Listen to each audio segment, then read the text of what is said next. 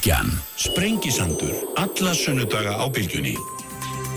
Sæli hlustendur, haldum við að staða hér á Sprengisandinum. Uh, Bjarnheður Hallstóttir hér í lokþáttar. Þau verða hérna Sima Guðmundsson, Þórun Sveipendandóttir, Bryndis Haraldsdóttir. Ellu og litið tölum þá um póldíkina. Um, Sigur G. Guðjónsson verður hérna á eftir fjöldum þá um þið fræga plastbarkamál sem að þeirra svona aðeins vakna til lífsins, getur maður sagt. Uh, á ný en sestir hjá mér Þórti Sigurðardóttir sem er fórstur í mentamálastofnuna sem er nú reyndar verið að leggja niður sæl og blessu. Velkomin. Takk fyrir. Þú hefur verið í eldlínunni aldeiris uh, hérna út af þessum þessari písa, þessum písaprófum eða konunni, þannig að ímst hvað þetta er kallað mm -hmm. uh, og þú byrjaði hérna fyrir tveimur árum á myndumálastofnunum.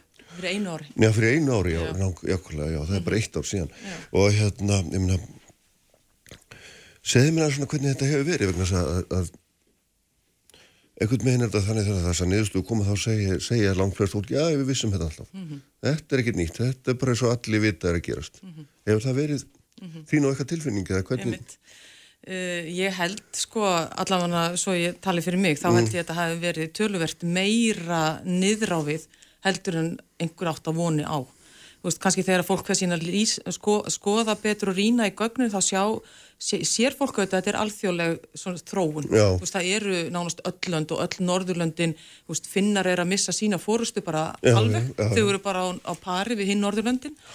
Þannig að uh, þegar fólk segir, þú veist, ég bjóstu þetta færi niður, þá get ég ímynda mér að það sé mjög fáur sem að sé raunverulega að tala um þetta mikið niður. Mm -hmm. veist, það bætist þetta ofan á þetta, við vitum ekki alveg áhrifin af COVID, þú veist, þau eru klárlega auðvitað alþjóðlega og öruglega einhver útskýring, það er erfitt að vita nákvæmlega, en uh, hérna, þú veist, það sem kannski fólk er að výsa í þegar það segir að það búist við að fara niður er það, það hafa kannski ekki verið þannig aðgerðir uh, sem að mátti búast við að myndi skila þeim árangri á þetta stöttum tíma. Mm -hmm. Því að núna það er eitt og hálft ár í að næsta písapróf verið tekið. Já. Þannig ef við fyrir að gera eitthvað í dag mm -hmm. að þá eru mjög litla líkur á að það verið búið að skila sér eftir eitt og hálft ár. Þannig við getum alveg sátt vonað því að þessi þróun haldi áfram. Já, svona vonandi Eh, vonandi ekki mjög, mjög mikið niður.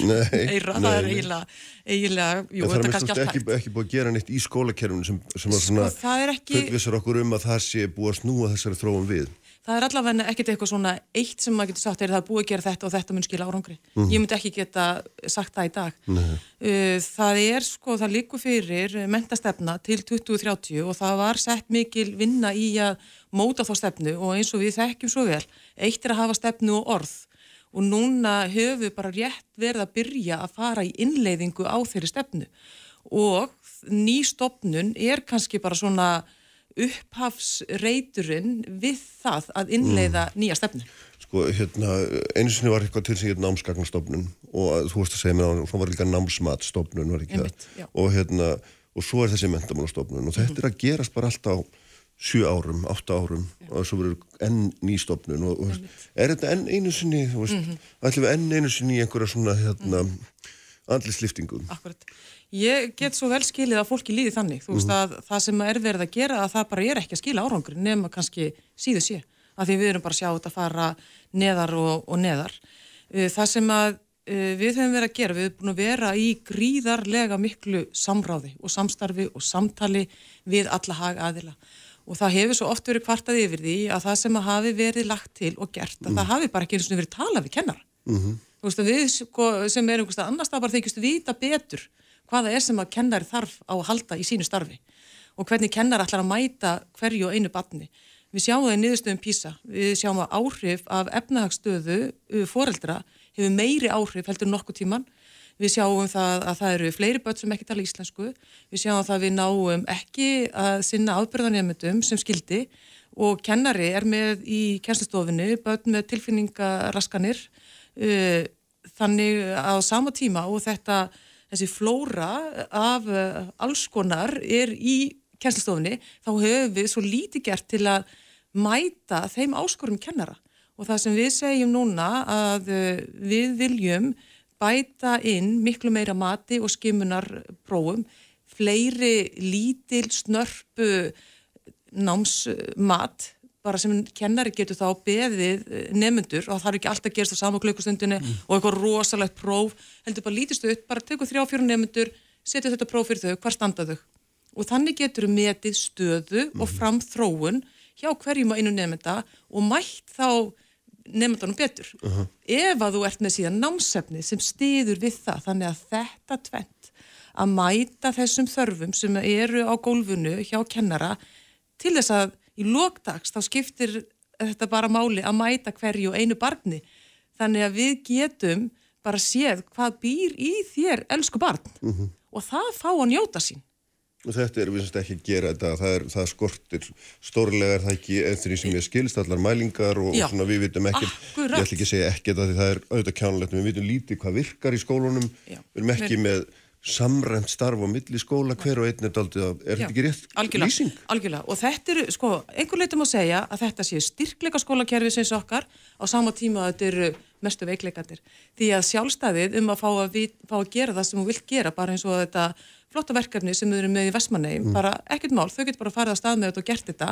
Veist, við fórum að stað með byrjandalæsi hérna í mörgu skólum, veist, það er alls konar skólastefnur sem er, veist, ákveðin fegur því að fá þetta tækifæri að, að gera það sem þú hefur trú á á sama tíma að þá mætti kannski vera örlítið, þú veist, meiri svona viðnið um einhverju lámarks uh, hérna gæði í skólastarfinu. Þannig að uh, En er ekki stór merkeld og skulle segja þetta að mætti vera eitthvað viðmið? já, að, þú er, skortir það algjörlega? Ég meina, Já, það, þú veist, við erum auðvitað með aðalnámskrá og aðalnámskráin, hún er mjög opin og það er reynda núna akkurat endurskoðun sem við munum kynna á næsta ári, svo endurskoðun sem við höfum farið í og hún er svona verið að þrengja kannski svona örlítið eh, eða útskýra og hvetja til að verið sett svona skýrari viðmið. En uh, þú veist, við höfum verið með ytramat en ytramatið hefur verið mjög svona ráðgefandi. Þannig að okkur hefur líka svona vantað ákveðnar, þú veist, hvað, hvað, ég ætla nú að reyna að segja þetta svona, en ákveðnar svona klær, þú veist, til þess að segja, heyrðu, hér þarf bara að gera betur. Og þess vegna uh, ákvar á þeirra að fari að, sérst, að brjóta upp stopnununa, að því hún var meira stjórnstísli stopnun, samt ekki með þau völd til þess að þá að fara í að, að gera það sem þyrst að gera ef að það var ekki að ganga vel, þannig að Þetta, þetta eftirlitslutverk, það fer nýr í ráðuneyti allavega til að byrja með, þannig að við hefum meira að vera þá þjónusta, stuðningur, ráðgjöf, við kennara til að mæta hverju henni badni, ábyrðafögnum. Fagstofnun með öðrum orðum. Já, og þannig stopnarnir eru sterkar stopnarnir, miðlaga stopnarnir, uh, allstaðar í Londonu sem við viljum bera okkur saman. Það er merkild er við að undanfærin ár, ég held að leiðum mér að fullið ára tuga eða tugi, þá hefur þetta sjálfstæði skóla verið mantra. Skólar þurfa meira sjálfstæði hérna, og það er bara þó, það allra besta. Nú hérna var sko Þorbjörg Helga hérna fyrir viku og Íris Róbistóttir, bæðstur í vestmanninu, tók undir með henni og þú ert eiginlega bara að segja það sama því komið nú allar svona svipari átt í lífinu, við þurfum meiri miðstýringu. Það þarf miðlega stofnun sem tekur með þetta. Er Já. það sem sagt niðurstaðan þessa, þessara, ég þessara myndi- frelsistilruna? Já, nákvæmlega, ég myndi segja svona miðlæg samhæfing, það sem er þjónusta, ráðgjöf og stuðningur. Og síðan er það þetta sveitafélagana þá að ákveða, þú veist, hvað af því þú vilja setja fyrir sína skóla. Þannig að við ætlum ekki alveg að fara og segja allir skóla verða að gera heitu þetta, það verður allavega ekki hlutverk minnastofnunar. Hugsanlega verður ídramatið og það sem eftirlit sem verður með skólunum, uh, það er annara ákveða það. Mitt er að vinna með kennurum og mitt er að tryggja að hvert og Kennarum sem eitthvað- eru starfsmenn sveitafélagan er raun og Já, veru, já. En þú ætlar samt ekki að hafa áhrif á það sem þeir gera. Jú, ég vil, ég vil gera það með því að bjóða nógu góð matstæki, skimunatæki, gott námsefni, þannig að sko mín hugsun er alltaf að- við getum mætt hverju einu barni og hvati þess. Og ef við, við erum með uh, nógu góða þjónustu og efni, gæða efni til þess að styðja þess að gæða mentun sem að þarf að eiga sér stað, að, hérna, að þá vil ég fá, þú veist, fólk með mér og, þau, og við höfum verið svo hérna lánsum að vera í þessu mikla samstarfi og, og samtali og meirins að kom það út þegar við vorum að skoða hvort að til og meins nefndur vildi hafa próf. Þá segir nefndur bara já takk, en ég vil fá endurgjöf. Já, Bara alveg svo við fullunum fólki. Ég vil, ég vil bara ekki fá einhver engun, ég vil fá vita hvar þarf ég að gera betur, Já. hvar var ég að standa mig vel. Engun eða bókstafur segir bara á lítið. Mm. Við viljum, þú það er einhvern veginn og þessi metnaður sé svolítið innbyggður í okkur bara við fæðingu, að vilja gera vel. Já. Og barni gengur vel ef það getur. og við þurfum að búa til það umhverfi. Já, það var mjög áhugavert á fundi þegar þið stóðu fyrir á samt fleirum í háskólanum hérna bara held í daginn eftir þessar niðurstöru voru kynntar mm. að þar var, hérna manni glemdi nú að skrifa hjá mig nafni af fyrirlesnar sem var að fjalla um náttúruvísindin og hann var að sína fram á hvernig samanbyrða tölur okkar var hrunið mm eftir að við hættum að vera með samrandpróf mm -hmm. nú ætlum ég ekki að gera svona sérstaklega talsmaði þeirra en, nei, nei. en þarna gegn sem gegnuðu sjálfur eins og margir aðrir. Mm -hmm. en það er bara algjörlega hrundi. Og, og hérna þegar að við tókum upp nýtt samrænt námsmatt þá hrundum við ennþá niður og þetta Einmitt. er stórfurðulegt að, að sjá þetta. Einmitt. og ég skil vel að fólk horfi á svona uh, punta, þú veist, það er eitthvað sem gerist hér og svo eitthvað, þú veist, og dregur einhver álutun út frá því, hversu mikið það skýrir þetta, en það er alveg ljóst að við höfum ekki matstæki í skólakerfin okkar og ég held að það hafi áhrif. Ég held að kennari myndi fagna því að geta tekið lítil próf sem eru, þú veist, miðlæg, þannig að þannig sé samrænt og, og sé þá hver er staða nefnda og hvernig frammyndu hátta þess að kvöllum við þetta matsferil að því við viljum bara að það sé hægt að gera þetta hverju ári þannig að þú fylgist með mm. þegar að, að barnir hugsanlega að, að dragast aftur úr eða þarf meiri áskorunir að því við byrjum líka gildum okkur þeim börnum sem mm. að vilja fá hérna að skara fram úr Já, En hvað segir okkur núna að þessi kúvending sem að fælst í hérna, þessari nýju stofnun mm -hmm. sem er sko fjórða kúvendingin á tilturlega fáum árum mm -hmm. að þetta sé eitthvað betri leið heldur en eitthvað af því sem að áður hefur í reynda því að þannig að sagna svona utanfrá utanfrá þá er maður svona orðið mm -hmm. mjög efinsum að fólk viti bara eitthvað hvað er að gera. Ég segi það nú ekki nei, nei, en þú veist alveg hvað er að hugsa skilur, það, bara, það er, ég, ég held að þetta sé mjög góð spurning. niðurstöðuna bara sín okkur það er, það er bara, ég held að hérna, þetta er bara mjög góð spurning og þetta fyrir alla sem að standa að þessu núna að bara vita að þú veist það er bara gríðarlega mikil ábyrð sem fylgir því að fara í þessa vekkferð og ég myndi ekki treysta mér í hana einn. Ég treysti mér í þetta verkefni af því ég trúi að með mér sé öll þau sem hafi virkilegan áhuga á að finna viðspurnuna. Að finna það með því að saman, uh, með því að styðja við, kennara, með því að mæta hverju batni, uh, með því að alþingi sé með okkur í liði. Mm -hmm það voru nú sko allir sem að uh, samþyktu þessa nýju stopnun þannig að alþingi sannarlega hérna ætlar að vera með okkur og styðja við þetta en við munum þurfa á alveg óbáslega sko mikli trú kervisins á að þetta sé að fara að bjarga einhverju mm -hmm. og, ég bara, og ég kalla eftir því að fá það uh, þann, þann meðbyr inn í þetta en auðvitað þá með því að fólk séum í samtali. En því voru samt sem að á sem fundi þá var samt sko líka bara, þú talar um meðbreyni, þá var raun og verið að varpa á ykkur þessa stofnun, mm -hmm. alveg gríðalegri ábyrð. Mm -hmm. Náttúrulega hver einasti fyrirlesari hérna og ég held að þessu bara í fangið á þér Já, Eða, og, ég... og, og þú ert orðin eini starfsmæður sem er eftir í þessari stofnun hérna, þú ert með mentakerfu að hörðu þér Já, nákvæmlega, mm. og ég held að, að, að það, mikið auðvitað uh, vissi ráðuneytið og ráðherra fyrir að þessi stopnun sem er núna, hún var ekki að virka, hún var ekki til þess fallin til að fara í þetta verkefni. Þannig að... Uh, var raun og verið fagmennskunni bara, eða hvað maður kallaða svona þróund, hérna, rannsóknum þróun og slíku starfsi, var því bara útýst um, með, með þessum breytingum þarna 2015 eða...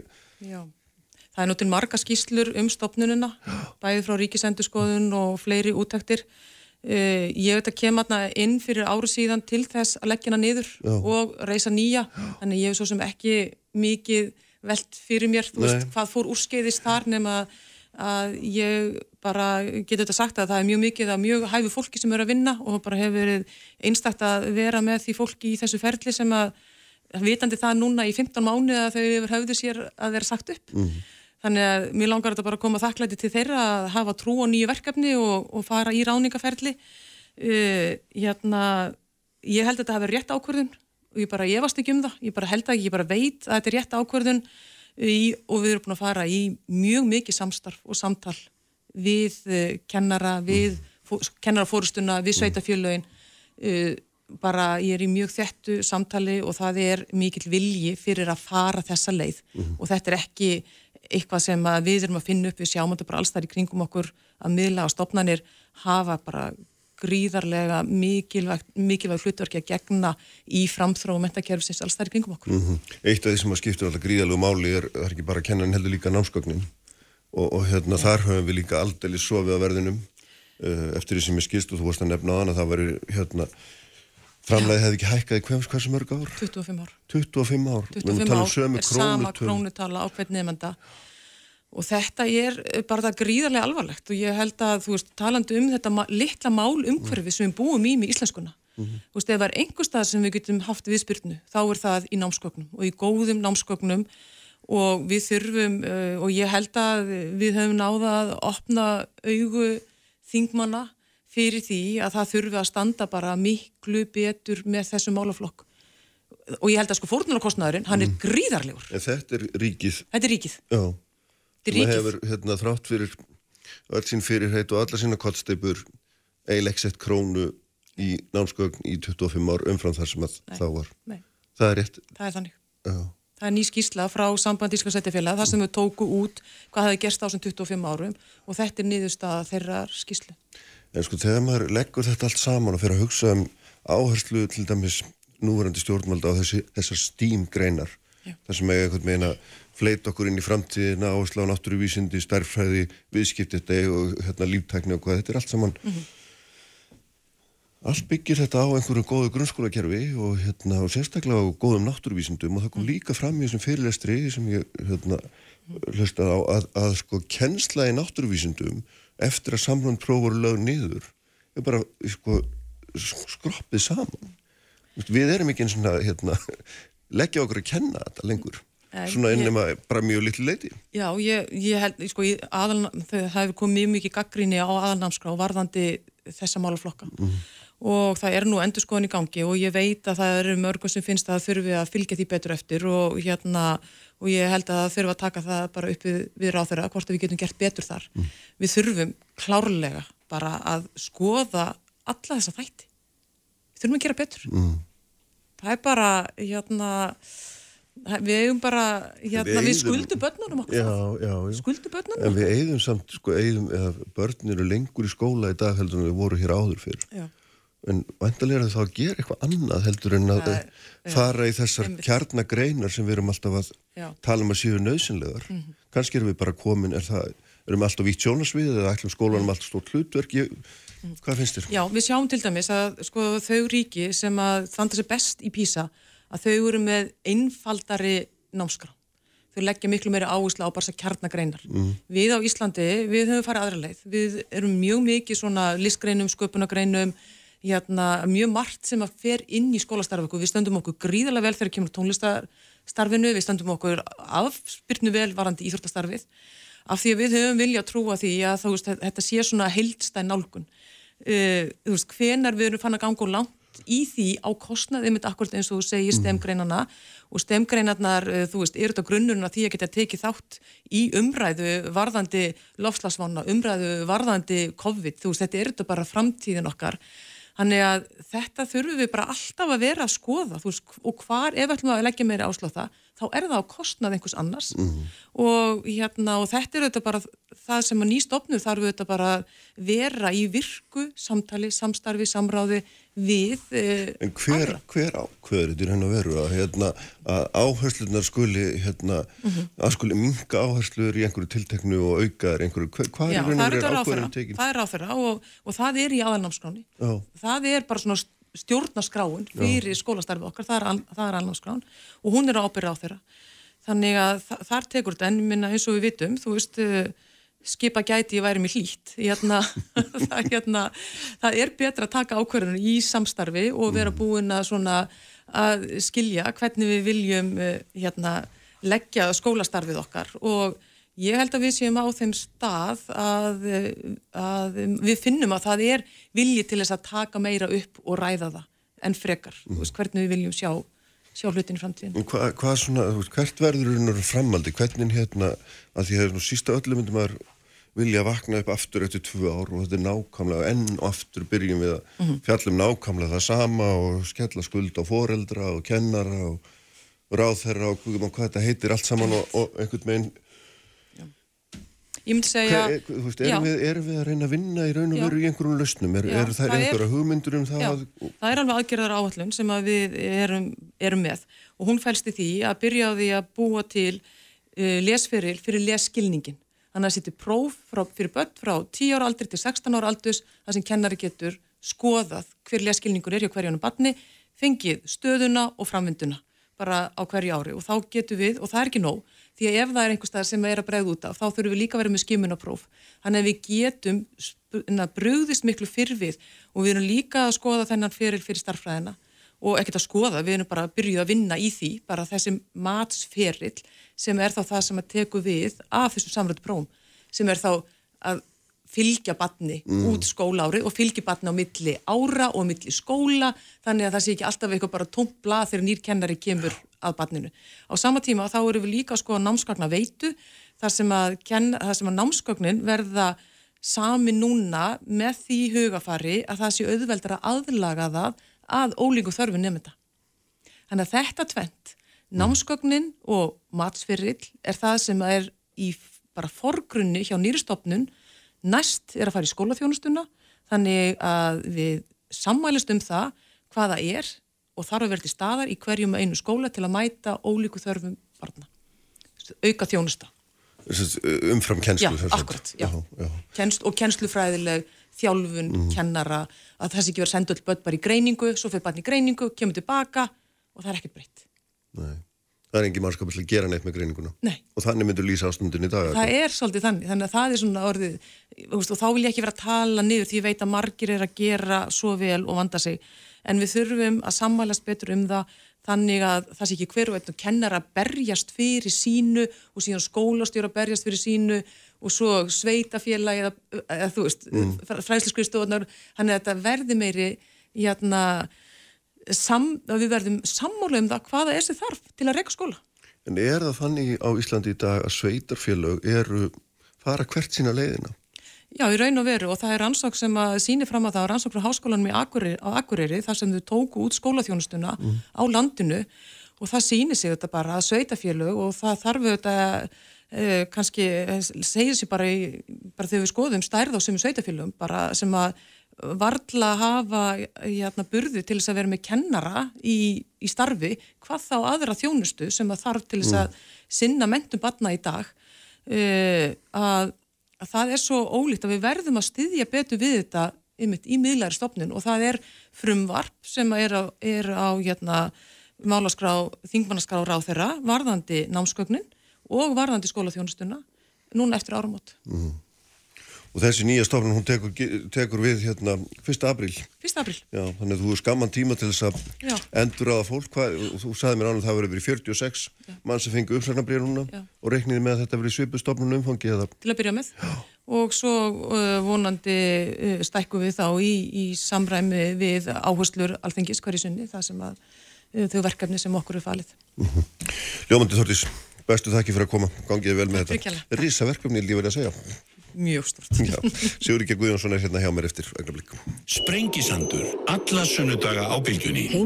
Sprengisandur, alla sunnudaga á bylgjunni. Sæli afturlustendur uh, Þórti Sigurðardóttir farin frá mér eftir hér yfir litu um störf mentamálstofnuna sem hendur henn og búið að leggja niður og nýtt tökku við fyrsta april búið að segja upp öllu starfsfólki og þarf að hérna endur að það allt og þau, hann, hún verður hér Bjarniði Hallstóttir formar Safílokk þáttarfjöldum þá að verka hlugum þeirra stjóra. Þau verður þetta Sima Guðvinsson uh, Bryndís Hallastóttir og Þórun Sveinbjörnundóttir og eftir að fjöldum þá um pólitíkina þess að árunni en sestur í hjá mér. Sigur ekki Guðjónsson, lagmaður, sætla blessar, velkomin Sælir, sælir. Sko við ætlum að fjalla þessum, eða við langaðum að tala við, um, við þig um þetta plastbarkamál ef við getum orðað þannig, hérna þú ert lagmaður ekki andarmarins eins þeirra sjúklinga sem að létust eftir að í hann var grættur plastbarki á hálfu Makjarínis, Pála Makjarínis þessa hérna sögufræðilegnis og þannig svona kannski þessum að fyrsta lagi vekur þetta er auðvitað þessi heimildamind á Netflix sem er svona fjallar um þetta mál og fjallar um læknin alltaf sérstaklega og hans svona hans svika millu á svo mörgum sviðum. En síðan auðvitað líka það sem gerist núna bara í vikunni er að landsspítalinn viður kennirinn eru skadabóta skild í málinu fyrstur fyrstur spítaleiksat Jú og hérna þetta Andi Marjan er fyrsti maður sem er grættur í plastbarki fyrsti sjúklingurinn sem að Pála Makkerini græðir plastbarka í. Og um, það er svo merkilegt að þannig, þetta málun búið að vera til rannsóknar síðan 2014 bæði hér á landi og í Svíþjóð. Og um, menn hafa eiginlega alltaf hafnað öllu þar sem þegar þetta kom upp í Svíþjóð 2014 þegar að læknandir fjóri sem að komu að aðgerðinni gerðu Karolinsku stofnunni viðvart um að þarna væri ekki allt með feldu þá var brúðist við með þeim hætti að þessu var öllu hafnað mm. og þeir eiginlega settur út í kuldan Já, já, það kemur alltaf fram með mitt í þessari heimildamind það sem er vittalvið með stúrstu tóðra Já, já, það er þrýrið þar sem já. er vittalvið og um, en það er unn svona kannski að byrta til hjá þeim í dag vegna þess að mannreitnda dónstóll Evrópu hefur fallist á að taka mál þeirra til meðferðar vegna þess að að uh, sænska kerfið það brást þeim alveg sem uppljóstur það er til lögjöfum sem á vernda uppljóstur mm en það brást á allan hátt. Þannig að núna stendur Sænska ríki frammi fyrir því að menniti sem komu upp um vísendalegu svik voru útrópaðir, fengi ekki vinnu, að þeir eru að ná vopnum sínum aftur. E, síðan gerist það þetta að þegar þeir eru konur út í hodna þá fara þeir að tala við Bosse Lindqvist mm. sem gerði e, frábæra heimildarmynd ekki þó um aðgerðina í Svíð og heldur um aðgerðina sem að Pála Makkiríni gerði fyrst og síðast í Rúslandi. En auðvitað hafðan í bakgröndina ellinga á gögnum um það sem hafi gerst í Svíðjóð og síðan er auðvitað verið að rannsaka þetta uh, eh, áframfanna í Svíðjóð en, en hér heima gerist hvað? Jú, það er haldinn fundur á landsbítalunum 2014 og þar fer Bjarni Torfarsson yfirleiknir uh, á hjarta, eða brjóstfóls og, og hjarta skullækninga til landsbítalans fram á það þessu máli verði vísa til löguruglu til rannsarfnar til þess að það verði skoða sko hver er þáttur spítalans mm -hmm. þessu er hafnað og landsbítalan ágöðu bara fórstöru landsbítalans þá Bát Mattiasson hafnar þessu og, og stopnar bara til einhverja rannsóknar nefndar innan spítalans uh, sem á að greina einhverja hluti og um, hún skilar eitthvað árið setna einhverju svona leiligri skýslu þar sem er helst fundið að því að við staðið nú mikið í sjúkraskránum um sérstaklega um utanlandsferðina þegar hann var senduð til Svíþjóða til, eh, til meðferðar. Mm -hmm. en, en Bjarni fekk ekki að vita þessari niðurstöðu. Um, síðan gerist það þetta 2016 að þá gerir það með sig nú í brók og um, þá er skipuð þryggjamanna rannsóknar nefnd, en það er það þá gerst í Svíþjóða, það er búið að henda út allri stjórnini í Karolinska og mennur hérna átt að segja því þetta er miklu alvarlega mál. Og um, svo nefnd, hún skilir á sér 2017 og það er svo merkilegt að í niðurlægi sko þeirra skýslu að þá er landsbítalunum bent á það að það sé nú rétt að landsbítalinn efni til þess eða, eða segi ekkjunum frá því að þessi eru tilbúinir að greiða kostnaða því að réttarstaða hennar og batna hennar þryggja út af þessu máli verði skoðuð. Og, um, og, það, og það, það var ekki, ekki gert. Enginn á landsbítalinn hafði samband við hana þá. Nei, nei. það er ekki fyrir en bara að um, Ég, ég fyrir að skrifa þeim og tilgjengt þeim fyrir, ekki rúmt ár síðan, ég væri með umboð frá henni til þess að að, um, að reka málið og um, síðan hefur við bara að sapna gögnum og, og, og fylgjast með og, og hérna að ég sá þetta að, að í refsimálinn út í Svíð og sem var höfðað á hendur setna máli sem var eiginlega, það voru eiginlega tvö refsimál sem að fóru á stað. Í fyrra skipti þá, þá hættur við saksóknarnir sem er heldum að, já, að, að brotin væri fyrrind og þá voru þá bara að horfa á, á, á takmörku refsi ákvæði og þá var söking reynilega fyrrind.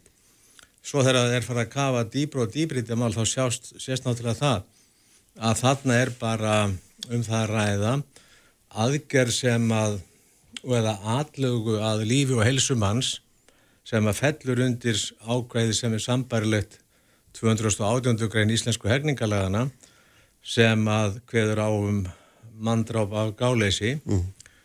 og alltaf 16 ára fangilsisrefsingar ef að aflýst stórfældstjón eða bani og ef líka ef aðferðin er hættuleg. Og það er á þessu grundveldi þess ákveði sem að Pála Makkiríni, það er sambarilt ákveði í uh -huh. sænska brottspalken, um, sem að hann er demdur í sumar. Hann reynir að þetta áfrýja og uh, í oktober þá líkur það fyrir að hann færi ekki áfrýjunarlefi til hæstaréttar. Þannig að þá stendur það sem að er þá bara fyrst komið í ljós núna að um, hann er dæmdur sko fyrir að hafa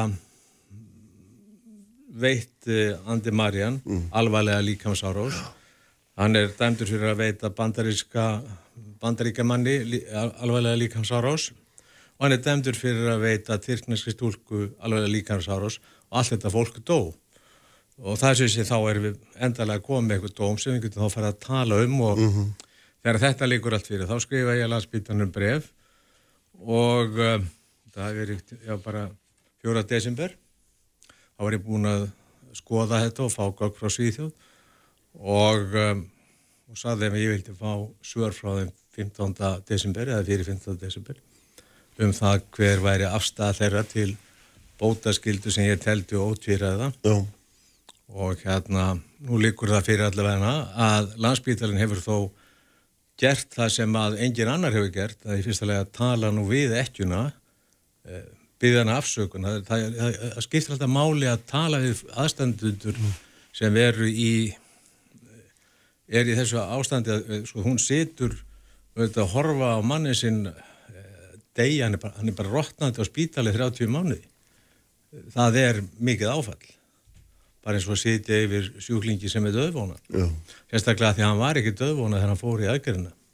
Hann var með sérstaklega tegunda krabbamenni sem dreifir sér ekki.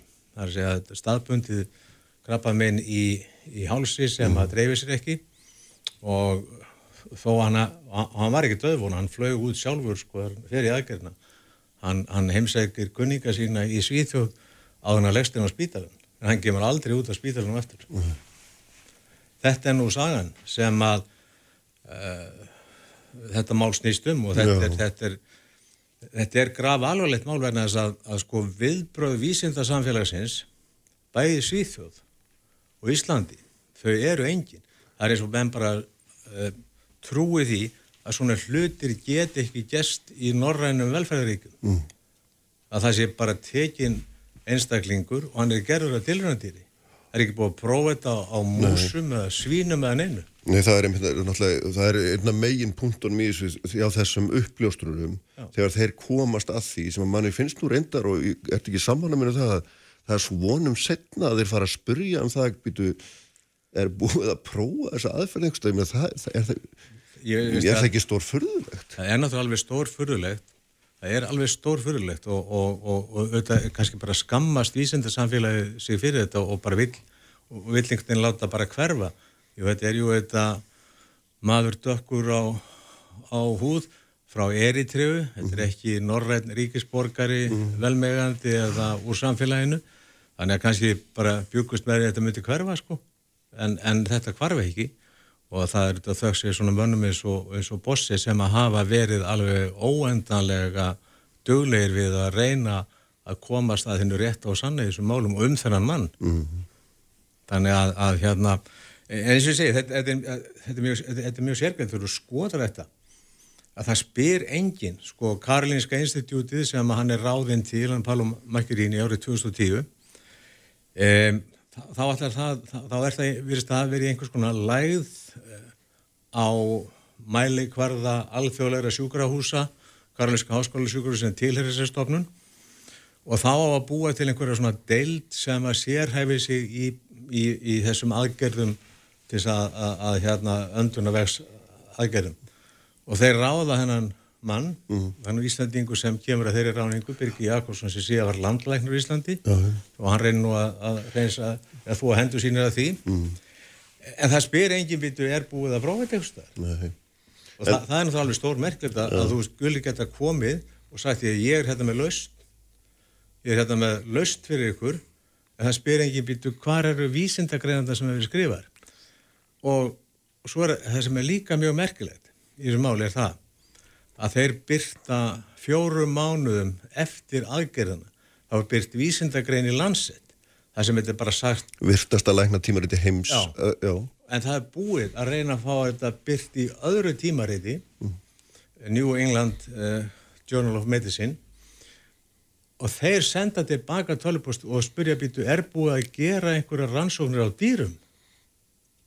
Þeir átta sig allavega því að það vantar eitthvað inn í þessu sögu. Mm -hmm. En landsett, einhvern veginn koksar á þessu, vegna þess að það fær einhverja, einhverjar yfirlýsingar um það eftir speklanir á barkanum á Íslandi eftir aðgerina, þá sé þetta bara í tiltölu að góðu standi.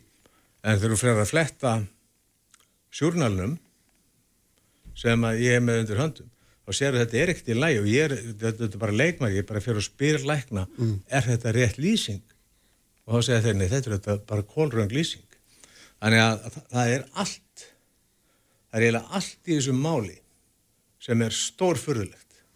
Fyrst að það þessi maður skeitir höfa að verið ráðin á spítala, í annar stað eitt virstasta læknatímaritt í heimi, skildi að það tekið þegjandi og hljóðalust við grein mm. sem byggði ekki á neinum vísendalega rannsóknum. En það er líka merkil nefnilega þá greina, ég held ég hafi lesið rétt að það voru 25 læknar sem eru taldir með höfundar, augnáttúrulega Pála sem er alhöfundur í mandarétt og svo eru 25 læknar hérna þannig, já, já. þannig að þetta hefur nú hérna þetta, þetta auðvitað einhver, einhver, einhver vissa hefur nú verið í þessum hópi um, um einhvers konar hérna Ég veit ekki um að þetta væri leið, ég veit ekki að það var orðað núna þannig en, þú veist. Ég segi bara ég hérna, þegar, er sko bara tekjun úr umferð með ákvörðun, að þá er þetta bara, hérna, þá er flokkað niður sko þáttur hversu eins höfundar, hversu alvarlegt brotið er mm -hmm. og hérna, og það er alvarlegast ennáttúrulega bara vísendalegt misferði sem að Pálo og, og Tómas og fleiri fá fyrir sína þáttöku. Mm -hmm en það er líka svona að því að síðan er þessi sko, heimildamind hún fjallar auðvitað um þetta en hún fjallar líka um allt líf þessa manns eða, og, og þetta er náttúrulega svona því ég hef ekki gert mig grein fyrir því að maðurinn er hérna, hann er marggiftur hann er út um all og, og, og hann hérna vilist hafa óendarleg auðæfi á bakvið sig til þess að lifa einhverju glæsi lífi en maður áttast aldrei, aldrei á því hvar í raun og veru hann hefur tekjur sko nema kannski sem er skildi vera frá Putin Já, ég, það er þetta, þetta er þessi mynd sem að þessi kona sem hann ætlaði að giftast Já. þetta er þetta mjög merkileg mynd þetta er hún að segja frá sinni upplifun hún segir þetta líka sko býtu, ef hann gæti logið svona mér ég er bara bladamæður sko sem að varða óvart ástfangin á hann ég ætlaði ekki að vera ástfangin á hann en sko, en við sem gæti logið svona mér sko, hverju var það búin að ljúa öllum öðrum sko? Og, og sko hvers, hverslis hverslas manngerð er það sem getur sko þú getur, þú getur tekið færistu stjórnendur uh, stóra uh, sjúkrahússtofnur í Svítu og sagt um ég, ég er bara hérna maðurinn sem mun gera hérna Karolinska Institutið að stórveldi aftur. En það er ekkert á bakvið mig. Mm -hmm. Ekki neitt. Nei. Ekki nema sviðin í örð. Vegna þess að áðurinn að hérna hann kom nú þangað þá hann nú uh, gert aðgerð á ítölskum dreng manni sem hann fór síðan að haldaði mammas. Þess að kemur fram í þetta. Þannig að þetta, þetta er svo ótrúlega saga og ótrúlega svífirilega saga mm.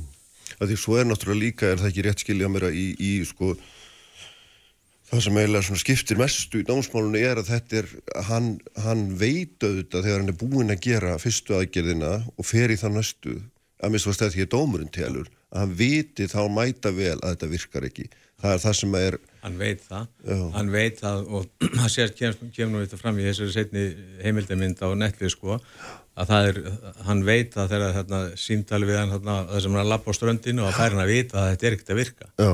en samt fer hann í fleiri aðgerði sko og svo er hann þetta, þetta það að, að menn eru hérna með eitthvað plaststykki sem að virðist þetta kaupa kannski í einni stærð en það er þetta svona skera af því til þess að láta það passa í hvert sjúklingur í sig og, og svo er þetta tekið og þetta er nuttað úr stoppfrumu sem eru tekniregstar úr, úr mjöðum og látið líka í þeim einhverja 30, 30 tíma eitthvað svo leiðis e, e, e, þetta er bara þetta er þetta er eiginlega sko ólýsanlegt ruggl mm. að, að, að einhver, einhverju læknar sem eru búin að læra í 6 eða 8 eða 10 ár skuli geta alveg sér þetta í hug að taka stoppfrumu, nutta því utan plast og segja, herðu, svo verður þetta bara barki. Mm. Þetta er bara aðalega slíkamann. Já, nú, nú brestum við það. Ég, ég, ég, já, sko, já, ég, ég er jafn hissa að þú svona sem vandir leikmaður. Sko. Ég er bara lögfræðingur sem er bara að horfa á þetta út frá, frá skapbútarétti vegna þess að það er, var sagt við Háskóla Íslands sko, og nefnir landsbytjarna sko, talið nú við ekkjuna og segja einu það að þið viljið, viljið hérna greiða leiðina til þess að skoða hvort hann eigi skapbút. Þeir gerðu það ekki, það var, það var íslensk kona sem ég vann máli fyrir sem að bað mig að taka þetta mála þessu að, að, að mér og, og, og, og skoða þetta fyrir, fyrir hann að sko, hvort hann ætti eitthvað bótaritt sko. Mm. Þannig að þess að svo kona sem að ég hafði unnið mál gegn landsbytalanum uh, þess að maður hennar dó eftir aðgerð vegna mistaka og hérna þannig að mistök geta gæst í leikningum í hefbundnum og viðkendu leikningum en þannig erum við ekki að tala um hefbundar eða viðkanta lækningar sko. Þannig erum við að tala um tilhjónastarsemi. Og það er svo merkilegt að þegar þetta mál er áðurnanir fluttur út, Já.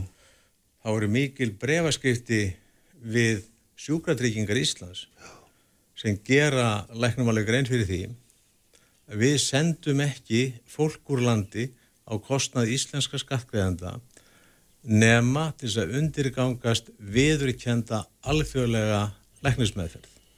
Við erum ekki að borga fyrir tilraunir. Mm -hmm. Þetta er tekið fram í samningum. Þetta er, svo þetta sé skýrst að þá er þetta þannig að hann er hér, Andemarinn, og er sendur til Svíþjóðar Já. og hann er náttúrulega ekki íslensku, íslensku ríkisborgri, hann er hér sem námsmaður ekki, en, en, en sjúkratryggingar greiða með stóðst einhvern hluta af svona heldakostnarinn sem við þetta eða ekki. Það er samningu myndi Karolinska og hans bítalans og sjúkratryggingar segja um það hvernig kostnaði skuli deilt. Og þá er það alveg skýrt þetta vita læknar á báðum endum mm. að, og, og það er alveg tekið skýrt fram í öllum tölupóstum að við erum ekki að fara að borga fyrir neina tilrönd það er bara það er alveg á hreinu. En það, það er náttúrulega ágreiningur um það er það ekki á þessum tíma hvort þetta sé eins og varst að nefna hérna sko hvort þetta sé lífsnöðsynlegt og það er það í öllum þessum tilvikum sem hann er dæmdur en þá er þetta vörnir svo að án, án aðgerða þá hefði við komandi bara dáið og það skilda læknis að, að reyna að bjarga sjúklingum sínum. Já en, en sko það, það var sko í, í þessu máli þá var þetta, þetta er, þetta er læknar landsbítans þeir setjast niður snemma ást 2011 og, og er svona veltaði fyrir sér því að þá er hann þá er þessi enginni eru komin aftur, það er að segja svona eh, heitir strítor eitthvað enginni sem, sem er valdið svona blæstri. Og hérna og þá eru þeirra veltaði við sér sko hver getum við leitað til að fá ráð um það hvernig við eigum að taka á þessu? Þetta er komið aftur það sem við vorum að fást við árið 2009 mm. og þá er ákveðið að við skulum skrifa besta spítalunum á þessu sviði í bandaríkonum sem var í Boston. Og svo skulum við eh, tekka á Lundi í Svíþjóð og síðan er, skulum við tekka á Karlinska og, og, og, og bandrækjamennir, bandræksku spítalinni þeir svara og segja að það sé rétt að gera þetta mögulega svona. En þá er ekki samningur á milli sjúkræðirkninga og þessa spítala í Boston.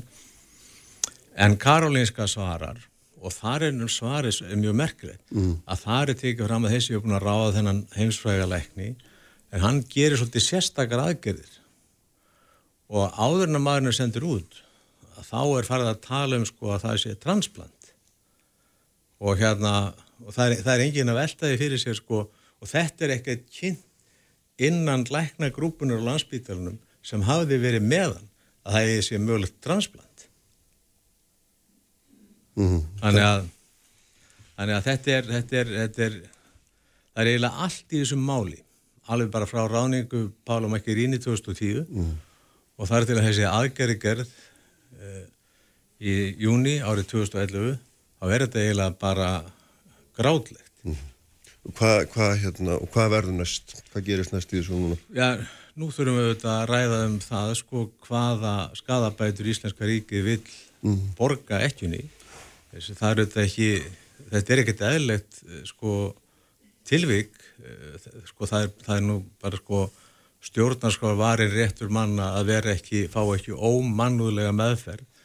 Það er líka í mannreitndasáttmálunum og það er líka í sátt, sam, eh, samningi saminuðu þjóðana um stjórnmálulega borgarlega réttindi þar sem er sérstaklega kveðið á um það að það megi ekki nota lifandi fólki í, í tilrunaskilin lækningum nefn með skýru samþyggi og það verður að vera alveg gjöru ótvírætt, upplýstu mm. samþyggi og, og það var auðvitað sett vegna þess að þjóðverðar gerði mikla tilraunir á fengum í Ásvíts mm. um, ég sagði í brefi mínu til landsbítalans að, að þegar voru brotin réttindi á, á fengunum í gerfinsmálunum að þá var ríkið að borga mjög háarbætur og um, per dag fyrir það sem er sátt vinni. Hér eru við með mann sem er að berjast gegn dauða sínum eða þess að er bara að deyja í 30 mánuði hvers virði er fyrstulega í mannslífi uh mhm. -huh. og hvers virði er það eða hvernig á að reikna það út frá einhverju daggjaldi eins og var gert í, með fangana ég veit það ekki, það er, þetta er bara hluti sem við þurfum að ræða sko. uh. það er uh, Þetta, þetta er ekki svona, þetta er ekki hefðbundi skadabótamál þar sem að þú ert að takast á um, eh, um sagnæm og ólögum þetta aðtöfn, uh, hvert er þið fjáraslega tjón, reikna sangönd skadabótalögum vegna þess að þetta er eiginlega sko langt fyrir utan þau lög, en þess að þau lög fjalla mm. fyrst og síðustu það þegar fólk slasast í vinnu eða eða bílum eða eitthvað staðar og skýðum eða eitthvað staðar sem að leika sér sko. mm. En, en, en uh, þú, þú fullir það semst að með því að spítarinn vísi málinu til ríkislöfumans þá sé hann að, að, að samþykja það að skabætur skuli greitar er, er það ekki rétt skiljað? Ja, ég, fullir það kannski út frá því sem að forstjóri landsbítalans sem verið alltaf umsagnaraðili mm. um málið að, að það sé raun búið að viðvíkjana það að menn ætla að greiða skadabætur sko. síðan eigum við bara til að setjast yfir það og þetta þarf ég að ræða það líka við ekkjuna hvað, hvað, hvað hún sættir sig við þetta er nú næjusamt fólk og, og við erum ekki að tala hérna kannski um bætur eins og myndu hafa verið eða gæst í bandaríkjónum þessum að allt er úr, úr takt við raunveruleika sko. En samt greinilega umtalsvert. Já, já, ég er að gengur út Já. Herru, takk fyrir að koma Sigurður og hérna þetta var þið fróðlegasta held ég verið nú að segja. Já, svo takk mig. Mm. Takk sem leiðis, þau eru hérna hjá mér alþingismennir Sima Guðmundsson Þórun Sveiminandóttir, Bryndís Haraldsdóttir og eftir og svo Bjarniður Haldsdóttir hér í Lókþáttar Sprengisandur, alla sunnudaga á bylgjunni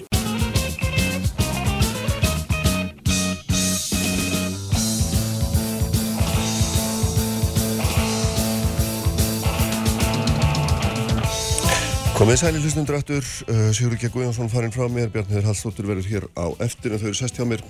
Aldíksmenni Sigmar Guðmundsson, Þórun Sömyndóttur og Bryndis Hallastóttir, sælu blessu öll og velkomin. Takk, takk fyrir. Langa aðeins að fá ykkur til þess að líta yfir árið með mér svona í stjórnmálunum. Hvað hefur helst hérna borðið tíðinda og, og hvernig þræðinir hafa leið og hérna og við erum hérna tölum mikið um stöðuleika en þetta hefur nú verið ár mikillar ólgu, getur maður alveg sagt. Mm -hmm mikið verið deilt við ríkistofnaborðið þegar mér stóðstu svona út á við. Ég stóð verið að tala um svona jarðólkur. Já, svo, svo bætist hún og við alltaf listrátti með dýri og hérna og svo eru kvalir og laxar og Íslandsbanka sala og svo framvegis. Ég meina hvað, hvað svona ef við byrjum það þér sem var hmm. þú situr í festan með, hvað finnst þér vera svona hver er henni pólitísku þræðir sem að þér finnst vera svona marka uh, marka þessa síðustu tólmánuði? Það sem að mér finnst standa upp úr þessu ári Eh, sem eru auðvitað ekki gott fyrir fólk mm -hmm.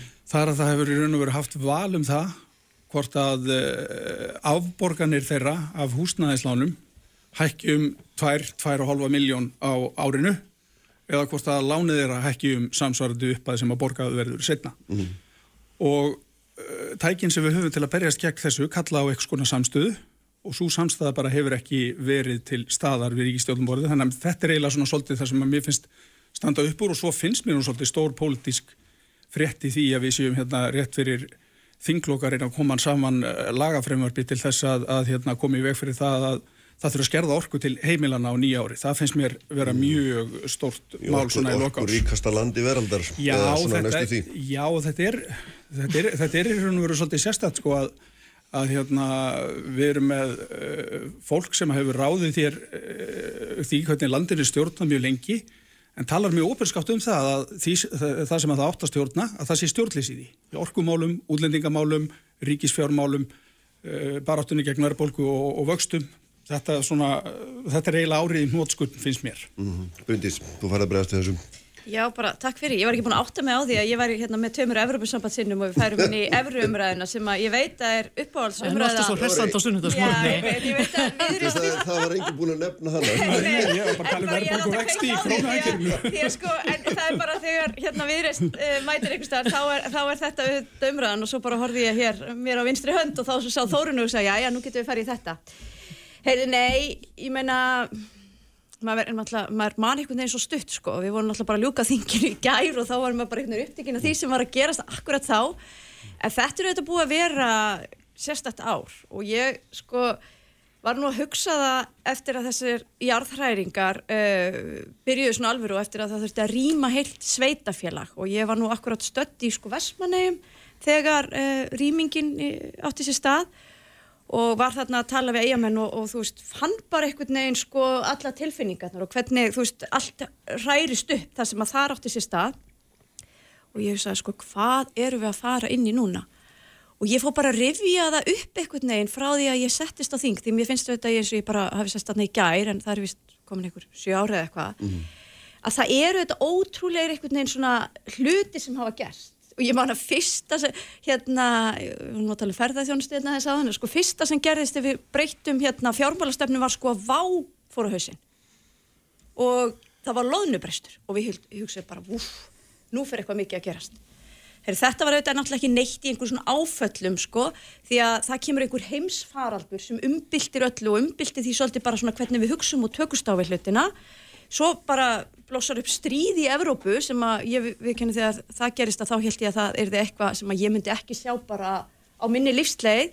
Nú er náttúrulega allt farið að sjóða upp úr sko hérna við botni miðjarhafs og það er svo sem eitthvað sem við höfum séð og, og virðist í miður vera svona allt of reglulegt dæmi og svo einhverjar jarðhræðingar og við ekki ekkert við stöndum í því. Mm -hmm. Þannig að ég, sko, mér finnst svona bara, nú er ég að tala svolítið persónilega, mér finnst bara alltaf verið að takast á eitthvað svona svakaleg áföll í, á þinginu. Uh, einhvers konar neyðar viðbröð við einhverju sem ekki var kannski hægt að sjá fyrir, en grunnurinn er samt sá, í gegnum allt þetta, að þá eru kerfin okkar að virka. Jú, við þurfum að breðast við ykkur, en stóru kerfin, þau svona samfélagslega mynd sem við hefum búið hér upp, byggt hér upp, svona velferðarsamfélag okkur, það er bara virka. Og það er bara virka rosalega vel. Og jú, við getum tekist á við það að hér vantar orku, við ættum að, uh, við hefðum þurft að vera búin að virka meira, en við erum samt búin að ná ótrúlegum árangri og við erum það ríki sem að býr hér við græna orku. Hittum upp húsin okkar með hérna, uh, heitu vatni og annað. Þannig að í grunninn eru við náttúrulega sko bara velferðar samfélag sem er óbúslega vel statt vegna þess að við höfum, okkur hefur lánast á síðu sko áratugum að taka góðar ákvarðanir fyrir Íslands samfélag og við sjáum það svo vel þegar við horfum út í heim og allt sem er að gerast þar, hvað við erum lánsum. Gótt og vel, þetta var hérna, stutt yfir grip yfir síðustu sjö ár endar á því að við erum lánsum. Hvað segir þú Þorun? Hvað finnst þér að vera? Nú það sem að Bryndís nefnir hér og ég deili nú ekki um það að það hafa, hafa rýmislegt gengið á um, eru allt utanakomandi þættir. Þættir sem við kannski ráðum ekki beinlinis við, það brýst út stríð í Evrópu, uh, það eru náttúruhamfarir, það er heimsfaraldur og ímislegt annað sem að, að við þurfum að takast á við eins og mjög mörg önnur lönd en þetta er allt utanakomandi þættir. Mm. Þeir þættir sem við höfum stjórn á eru þættir eins og ríkisfjármálinn, velferðakerfið, jöfnuður í landinu og annað slíkt og þar finnst mér, þú spyrði okkur um yfirstandandi ár sem er að ljúka og ég get alveg hort tilbaka síðastliðin áratug, síðastliðin tíu ár þar sem að sömu flokkarnir hafa settið í ríkistjórn, sömur allan tíman.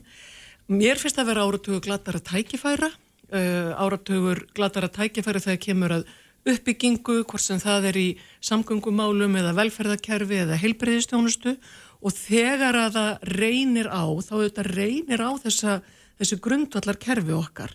Þau standa enn, eins og Bryndi segir, og það eru þetta gott að við sem samfélag séum, séum samtaka að takast á við utan að komandi áskoranir, hvort sem það er vegna Grindavíkur sem er nýjasta dæmið og sjálfsögðu tökum við öll þátt í því og erum sammála á þinginu um þær eh, rástafanir sem að þarf að grípa til og tilbúin til þess að verja peningum úr ríkisjóði til þess að styðja grindvikinga en við þurfum líka að vera tilbúin til þess að styðja það fólk sem hefur beðið og setið á hakkanum allt og lengi.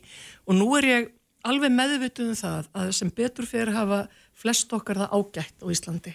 Og mjög mörg að segja. Mm. en það hafa það ekki allir. Og við erum svo fljót að taka augun af þeim sem bera minnst úr bítum, þeim sem þurfa að draga fram lífið á bótum, örorkubótum til dæmis af því að fólk er fatlað, hefur mist starfskettuna og ég held að við verðum að reyna að fara að setja meiri og ég náttúrulega held ekki um það, ég er sannfærið um það, við þurfum að taka þar betur á.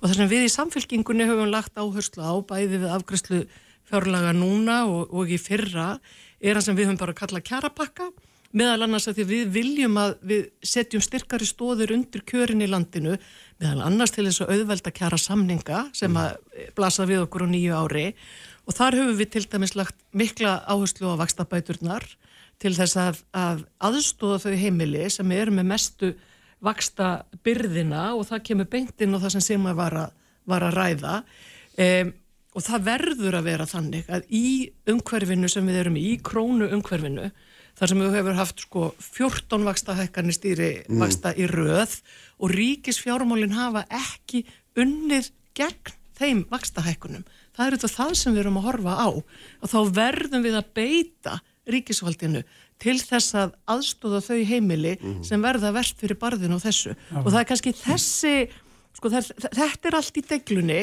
og ég sakna þess að við ræðum það betur hvernig við ætlum að aðstóða þau sem þurfa núna og mér finnst það akút til dæmis vegna vaksta hækkanana og vegna þeirra áhrifa sem að þær hafa á kjör heimilana og við, og við erum meðvituð um það að þetta er fyrst og fremst ungt fólk, ungar fjölskyldur sem bara lenda illa í þessu, fólk sem er til dæla nýbúið að kaupa, þau sem hafa get, geta það, hinn eru bara först heima. Já, já, við erum, höfum oft verið með samaluna hvernig við bregðumst við þessum ytri áföllum, mm. Svona hlutum sem við höfum nákvæmlega enga stjórn á, ég menna þá kom hittin á heimsfaraldurinn, náttúruhanfæriðnar á, á, á Reykjanesi og svo verða stríði í Európa og allt þetta.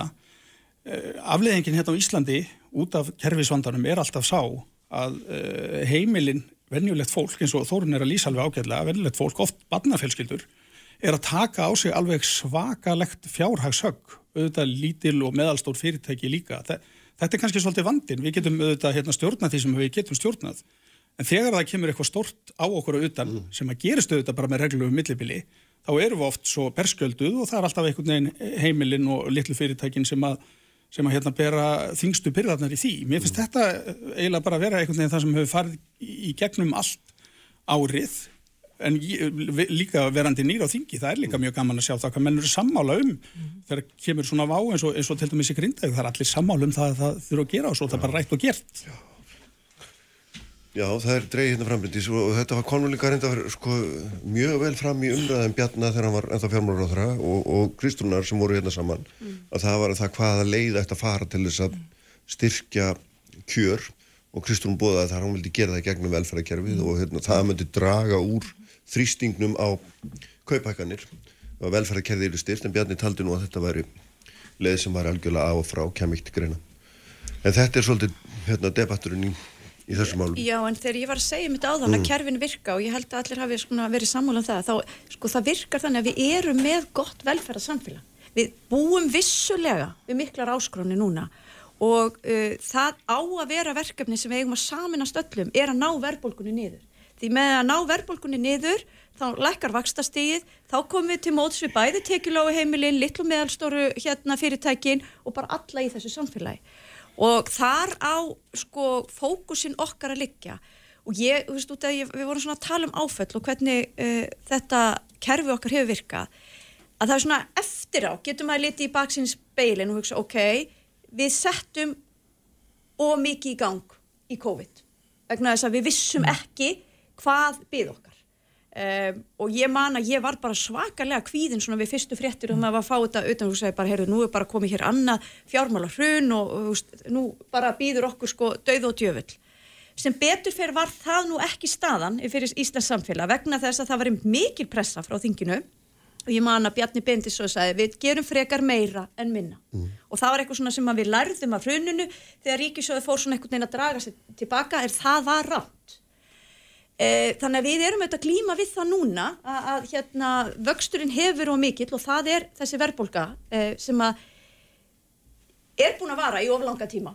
Ég, ég finnst og ég var að vona að við myndum ná að þrýstinni niður hraðar og við vitum það að þegar hún nær svona, e, það, hún er búin að ná ákveðni festu þannig að þetta, það, það þarf markvissar aðgerðir og ég held að ríkistjórnin uh, sé að sína þær og, og í, í ríkisfjármálunum og svo getum við þetta að fara að sko, ræða hérna fjárlögin sem við ákveðtum í gær uh, hvort að þú veist maður hefði viljað ennþá meiri uh, sko taka ennþá meiri í og það er lítil sko samhljómur einhvern veginn á þingi um það hvaða aðgerðir væri þörf í ríkisfjármálun sem slíkum. Það er svolítið svona það er kallað eftir bótakerfi hér eða bregðast við fyrir þennan hópi eða hinn hópin og við vitum að það eru aðgerðir sem munu ekki hjálpa okkur til að ná verðbólkunni niður. Þannig ef að fókusin er að ná verðbólkunni niður þá þurfum við að hafa mjög öguð ríkisfjármál og við þurfum líka aðra aðila til að vinna með okkur á því og það sé svona samfélagslega sátt um það að það sé stóra markmið því það er það sem nýtist öllum og ég er opuslega hrættum að ef að við náum ekki þeim árangri mm -hmm. þá þurfum við að fara í þar aðgeri sem Þórun er hér að tala um uh, sko pakka fyrir þá sem að veststanda þá eru við hægt að treysta á kerfin okkar sem að hafa þó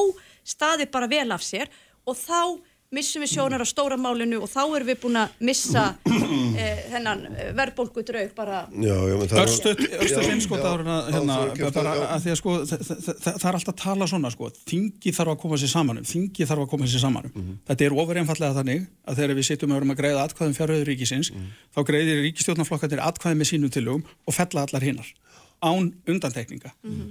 Vandin er ekki einhver að þingið sé og hérna, ekki sammálum að gera hlutina. Vandin, vandin eru þetta, hérna, ríkistofnarflokkanir eru þetta ekki.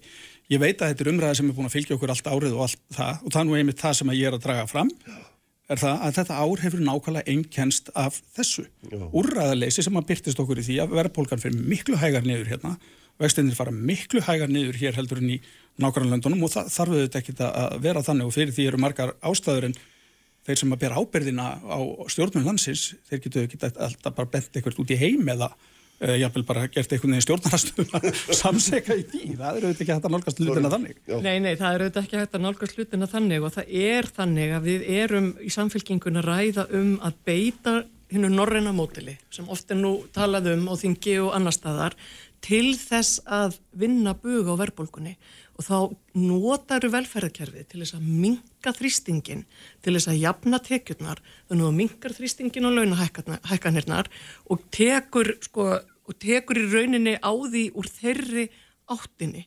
Og það hefur ekkert verið gert til þess að taka á því úr þeirri áttinni. Og það er á sko beinfallega þannig að hér hafa tekjula á heimili einstæðingar og mörg, allt og mörg börn og ungmenni á Íslandi búa við mjög já, bara mjög nála því að vera í fátækt þúsundum saman og við höfum ekki verið að taka á því. Mm. Þannig við verðum að gera þetta úr þessari áttinu og sérstaklega þegar við vitum að allur hérna, vinnumarkaðurinn er undir á nýju ári. Við vitum að allur vinnumarkaðurinn er undir. Við höfum heyrt það hvernig e, fóristu fólk, bæði alltíðusambansins, BSB og fleiri hafa talað um þessa hópa og ef okkur lánast til þess að taka mm. sko, já, hugrakkar pólitískar ákvarðanir til þess að takast á við það.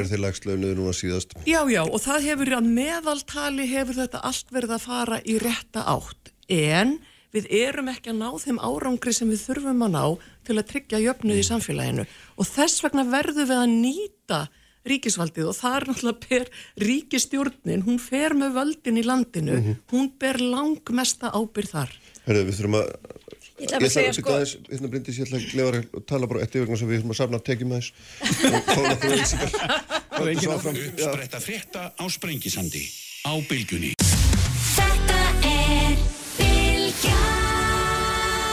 alltaf björt og brosandi.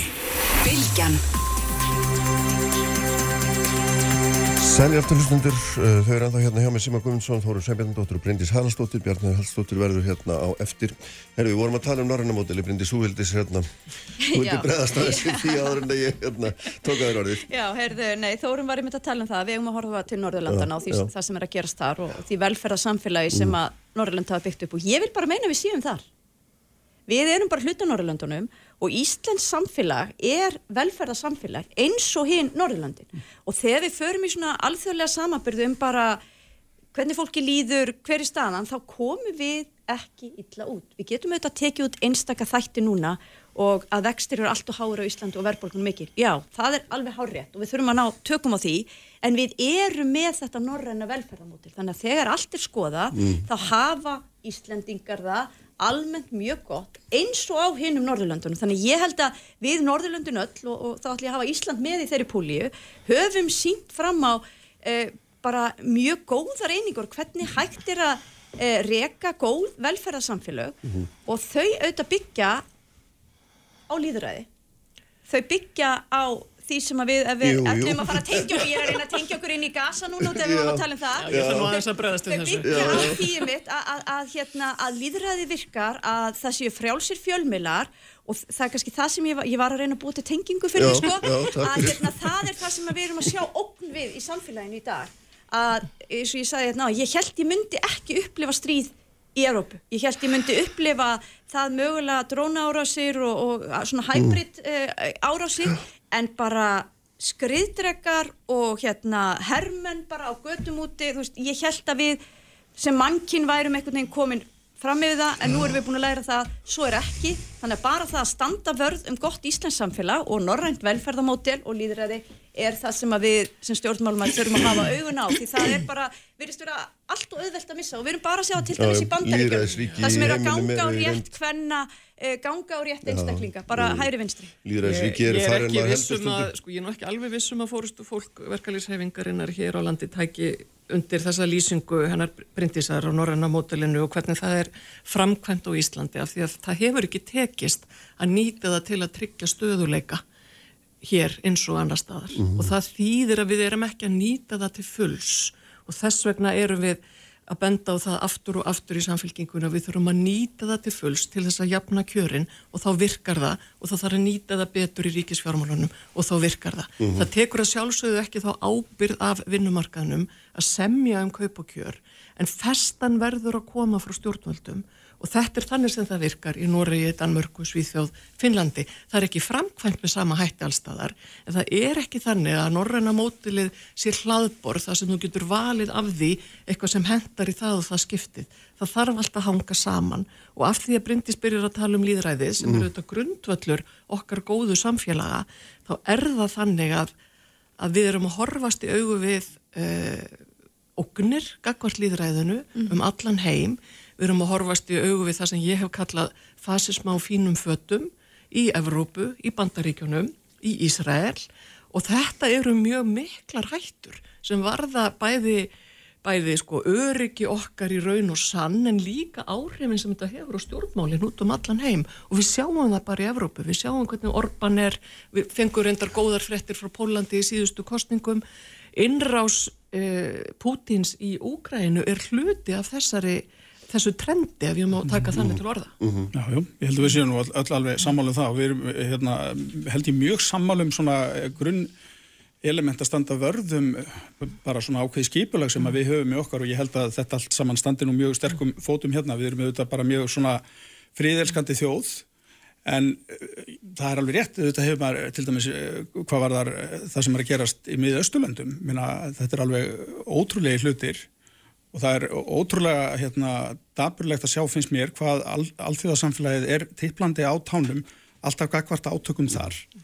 Eh, mér finnst alþjóðasamfélagið oft geta stígið mjög fast inn í ákvæmna þætti en þarna einhvern veginn verður allt mjög máttlust og auðvitað er það alltaf þannig í, í, í þeim átökum að það eru þetta bara hérna, börn sem að deyja, það er venilegt fjölskyldufólk sem að deyr og annað og ég á rosalega erfitt með að skilja þetta máttleysi gagvart því að, að, að standa bara með hérna venjulegu fólki, ekki með mm. einhverjum tilteknum stjórnmjöldum eða einhverju heldur bara komið í fólki í skjól, hættið að sprengja. Það liggur meðal annars í því að uh, alþjóðakerfið eins og það hefur verið, var sett upp eftir setni heimstyröldina ræður ekki við þessi verkefni öryggisráðið með neitunarvaldi mm -hmm. og áttum okkur því til dæmis vegna strísins og gas og þeirra hryllilegu hörmunga sem þar er í gangi að ríkistjórn Ísraels er bókstafstrúð hægri ríkistjórn undir fórustu Netanyahu. Hamas eru sömu megin bara með öðrum hætti. Báðir aðilar vilja ekki tveggja ríkja lausnina og þess vegna hendaði það Netanyahu að láta eins og Hamas væri ekki til og leifa þeim að sapna fjö og vopnum árum saman og skipulegja innrásina sem að, og hryllilegu hriðiverka ára sem að gerfa 7. oktober af því að það, sko, það var kallt pólitist mat þessa fólks og nú setja þeir uppi hvorir með annan, mm. Hamas og Netanyahu og hverjir líða fyrir það? Saklust fólk í Gaza mm. og á Vestubakkanum. Já, það eru auðvitað þeir sem að fara með völdin þarna begja vegna mm. og hafa gert í gegnum tíðina sem að ber ábyrðu því að það er venilegt fólk, óbreytti borgara sem er að deyja. Og ég meina mannfalli sem er þarna núna það er alveg með ólíkindum að það skulle ekki vera hægt að stöðva þetta. Og menn tala um það þetta var í einhverja mánuði viðbót. Þetta auðvitað bara svo staðrind svo staðrind á eftir að tegja og toga um, allt hérna alþjóðasamfélagi til og frá og, og búa til einhverja bresti og, og hérna það getur auðvitað farið illa sko En sko, hérna, ég tek undir þessa greiningu sammála því, en svo megu ekki gleyma því að þú veist, uh, Ísrael er þá um eitt líðræðisríki, þar sem að Netanyahu var kosin, en sko Hamas var einhvern tíma kosið þarna að hluta til fyrir hvað, 8 árum eða 10 eða, ég veit ekki hvað er langt síðan voru einhverja. 2006 minnum ég. Já, þannig að þú veist, þa það er auðvitað ekki líku saman og jafnalega hvað það var þar, en, en ég er ekki ósamála sko greiningu þóruna hvað þetta var þar, en það sem að, sko starra en það. Þú veist, það sem er í gangi þarna ég meina hverjir hafa verið að styrkja hérna Hamas í gegnum tíðina? Hvað með írönsk stjórnmjöld mm -hmm. sem að brjóta ítrekkað ymmit á konum og borgurum sínum. Mm -hmm. hvað með þann sem að við, við stöndum auðvitað með Úkrænu, Putin í, í Rúslandi það, nú er alveg hérna augun farin af því sem er að gerast í Ukrænu þannig að þessi óreiða gagnast honum verulega. Að, og þetta er ég kannski að segja þetta eru sko öflin sem eru að berjast gegn líðræði og þegar uh, innrásin í Ukrænu hefsta þá, þá sem betur fyrir kemur Evrópa saman samin og segist, heyrðu hér verðum við að standa með Ukrænu, við erum að standa vörðum okkar gildi, mm. það sem við stöndum fyrir líðræði og mannréttindi og þarna er því sópa og ég meina í miðaustulöndum með Hamas að það eru þetta ekkert sem þekkert sem eitthvað líðræði að bera virðingu fyrir mannslífum Nei, en, en ég ætla ekki líka... að verja sko hérna Ísraelsk stjórnvöld í, í sko óbóðslega aggressífum aðgerðum Nei. þó maður hafi skilning á því að vilja uppræta hriðiverkasamtök þá segi ég alveg svo Sigmar getum við ekki bara eitthvað neginn og maður skilur ekki allt því að samfélagi get ekki bara varið. Þessi aðferð við að upplæta hriðverkarsöndök, hún er í raun og veru að búa til mjög frjóan jarðveg fyrir eitthvað annað. Ég og ég er ekkert að segja að Hama segir sér endilega sem hriðverkarsöndök einhvern tilverir eftir eitthvað. Ég bara, vítarhengurinn er svo óskaplegur, menn er svo rosalega pikkfastir og hagsmunir er náttúrulega líka við og allt þetta. Ég menna þú nefnir þetta að Evrópa stendur saman og er saman um það hvernig að bregðast við hérna, innrás rúsa í Úkrænu. Það er náttúrulega bara hérna einhvern veginn að gerast sko í næsta, næsta, næsta nágrinni Já. en svo þarf að eh, splúndrast alltaf allt þegar mm. kemur að því að, að reyna að finna einhverju lausn á deilinni fyrir botni miðrahafs og ég hérna og þar eh, splundrast líka nágrannaríkin sko þau eru Já, ég, ég, ég, er, svona, er, það er ekki sama samstæði í Evróp um það hvernig ég bregðist við þessu og, og hinnu og afleggingin er bara þessi að það er alltaf bara hérna vennlegt fólk sem á ekki möguleika á að koma sér í skjól. En áttum okkur á því að það eru þetta valdatafli gangi miðausturlöndum þar sem að Íran, Sáti-Arabia -hmm. svo er Rústland og hliðalínunni það var Rústland sem að í rauninni hjálpaði Assad að taka Sýrland aftur þegar hann var að tapa borgarastyrildinni þar, Tyrkir eru þarna í líki hlutverki, svo náttúrulega bandaríkjastjórn sem að fjármagnar Ísrael með sínum hætti þarna þessir aðilar geta tala saman og stuðlaði friði ef þeir yfir höfuð hafa einhvern áhuga á því. Já, þú er það bara spurningin, hafa þeir áhuga á því? En það er náttúrulega svona eins og í öllum alþjóðlum deilum þá snýst þetta andanum allt um bandaríkjumenn það eru einu menni sem hafa hernaðar vald til þess að knýja fram frið. Já, það er bara Já, ég held að í Ukrænu hafi það nú líka snúist um Kína sko ef að Kínar hefðu hérna haft heimil á Rúslandi að þá, þá værum við ekki að horfa á það stríð þar sko. Það er En- þar en- sitja kynverja bara á hliðalínu.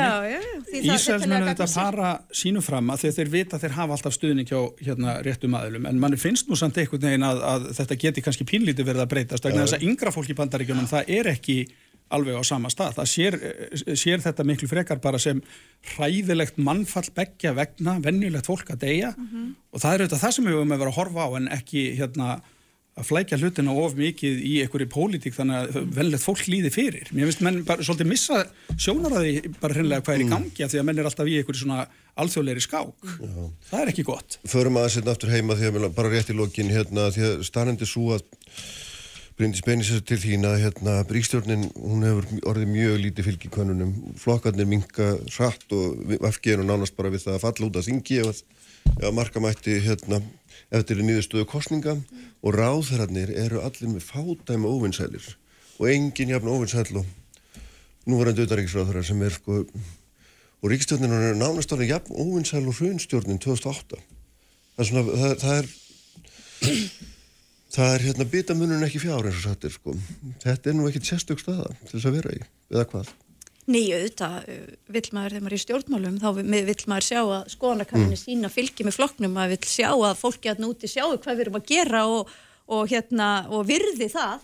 Uh, en ég meina það er rétt, bara staðan í skoðanakanninum er alls ekki góð um, og auðvitað, eins og allir stjórnmálumenn benda alltaf á það, það eru skoðanakannanir, það er jú. ekki kostningar, eru auðvitað, við, og við vitum það alveg, að það er alltaf einhver munur á því, en, en þetta gefur vissulega einhverja vísbendingu og ég held að þetta gefur fyrst og fremst núna þá vísbendingu um þetta að hérna, við þurfum að ná tökum á vöxtum og verðbólku. Þetta snýst um það. Ég held að fólk hugsi óbúslega mikið þetta bara með veskinu sínu og, og sínum hag og nú höfum við séð óbóðslega sko kaupmáta aukningu og mikla velferð í íslensku samfélagi í mjög langan tíma. Núna En núna erum við, eru já, reyndar, nú erum við að sjá, sjá hérna, þennan kaupmáttur rýrna, hann líka fór óbúslega hátt, við Mhm. skulum líka alveg átt okkur á því og miklu, miklu meira heldur en í norrænu samfélagunum og þeir samfélagum sem við byrjum okkur sama við. Það En gera nú er- íslensku sveiflurnar. Það gera íslensku sveiflunda, það er alveg rétt, ég menna stöðuleiki er þá líka að þú nýtur ekki þess þegar það vel gengur, en hérna, og það er, það er bara stóra markmið, það eru efnaðasmálin, við þurfum að ná tökum á vextum og verðbólgu og ég held að það, það sé bara það sem erum að sjá í þessu skoðanakornu, fólk Mm. vill bara, það þarf að ná tökum á þessu. mm við, við bara frá eitthvað stutt Já, á sko, ég held að það sé alveg full reynd að þessi ríkistjórn geti náð tökum á ríkisfjármálunum eða, eða því sem að hér þarf að ná tökum á. Uh, þau hanga ennþá saman, uh, meira vilja en mætti. Um, það er kannski augljóst að svona miða við þessa kannanir þá er kannski ekki mikill áhugi til þess að, að fara í kostningar strax í vor Mm. þó það væri í rauninni eðlilegt með við stöðuna en ég get tek svo sem undir með brindisi þetta eru skoðanakannanir og eins og við höfum sagt í samfélkingunni og Kristrún Frostadóttir formaður okkar hefur margi ítrekka við tökum þessu bara með gleði en erum algjörlega raunsæ á framhaldið af því að það verður auðvitað þannig að það er á kjördag sem að fólk ákveður sig að sjálfsögðu myndum við vilja fá umboð eitthvað í líkingu við það sem er að mælast í skoðanakönnunum. En við höfum alveg síðan fylgið sveplast og erum ymsu vön í því eins og sagan sínir en hérna ég held eins og aðalatriði sé að þessi ríkistjórn þessari þryggja flokka horfist í augu við það að erindi hennar er lokið og það væri heiðarlegast af þeim að ganga til kostninga. Já, þetta er auðvitað bara þannig, ég menna ástæðan fyrir því að, að hérna pólitíkin er eins og hún er, er ofur einfallega vegna þess að menn eru svolítið bara búin að gefast upp á verkefnin, það er bara þannig. Allar þessar tölur og allt þetta sem þú ert að vísi Kristján, það, það, það segir okkur bara nákvæmlega það. Auðvitað fjarar undan stuðningi við ríkistjóð þegar að menn koma sér ekki saman um neitt og er ekki bara þar, heldur eru líka bara svoleiðis að rífast ofinverlega uh, að á einhvern tíanpunkti